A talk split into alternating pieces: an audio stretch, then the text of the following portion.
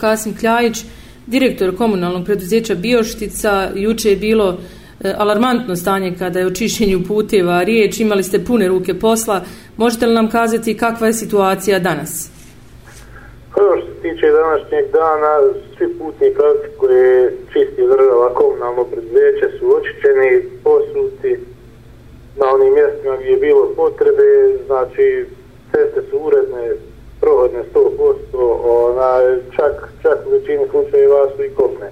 Mm -hmm. e, danas smo se bavili čišćenjem grada, ulica, trotoara, rubnih područja opštine koji nisu bili očišćeni zajedno sa, sa civilnom zaštom u koordinaciji smo tamo gdje ima potrebe i gdje ne možemo mi stići ovdje u oni i obratno.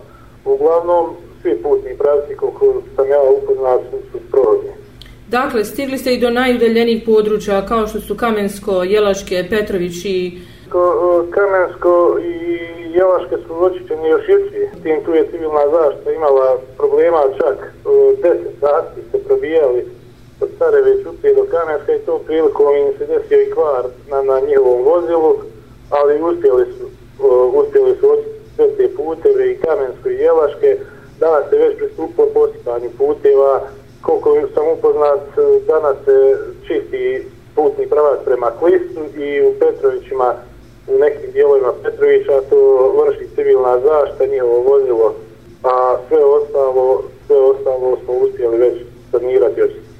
I evo kada je riječ o putavima, evo nadamo se evo da e, neće biti problema više kada je riječ o prohodnosti i padavina bar ovih narednih dana meteorolozi čini mi se ne najavljuju No, evo, možete li nam kazati o aktuelno je obilježavanje, odnosno bojenje vode, jel... Pa svaki dan se vrši uzorkovanje vode, onaj, sad trenutno u prisutku jednog našeg radnika, vrši se uzorkovanje vode svaki dan, sad po jedan uzorak, od prilike u 12 sati i nastavljamo sve dok ili pokaže ili ne pokaže. Do sad nije se desilo da je pokazalo boju, ali evo, očekujemo, nastavljamo, pa ćemo vidjeti kako se to završiti.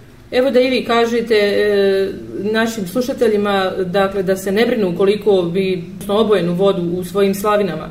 Pa to je organska boja koja nije štetna ni, ni, ni za zdravlje, ni za bilo šta. O, nešto poput boje za suh, eto, prilike da, da tako se izradim, nije uopšte štetna, nemaju potrebe bilo šta se plašiti koliko vide i, i vjerujte, to bi nam bila jedna veoma dobra informacija u slučaju čak da se pokaže ta plava boja, da znamo da li postoji utjecaj uopšte ili mogućnost da se desi nekakav negativan utjecaj na naše izvorište. Mi smo radili analize i proširene analize vode na teške metale, dosad nam nije pokazivalo nikad, to je radio Federalni zavod za javno zdravstvo, zatim kantonalni zavod za javno zdravstvo, nismo našli prisustvo olova u vodi još uvijek, e sad mi se bojimo u daljnjim radu rudnika da se to ne desi. E iz tog razloga upravo se vrše ova ispitivanja da ne bi se desilo da, da površinske, površinske vode razaperu jalovinu ili neku vrstu rude pa da nam ne dosije u izvorište.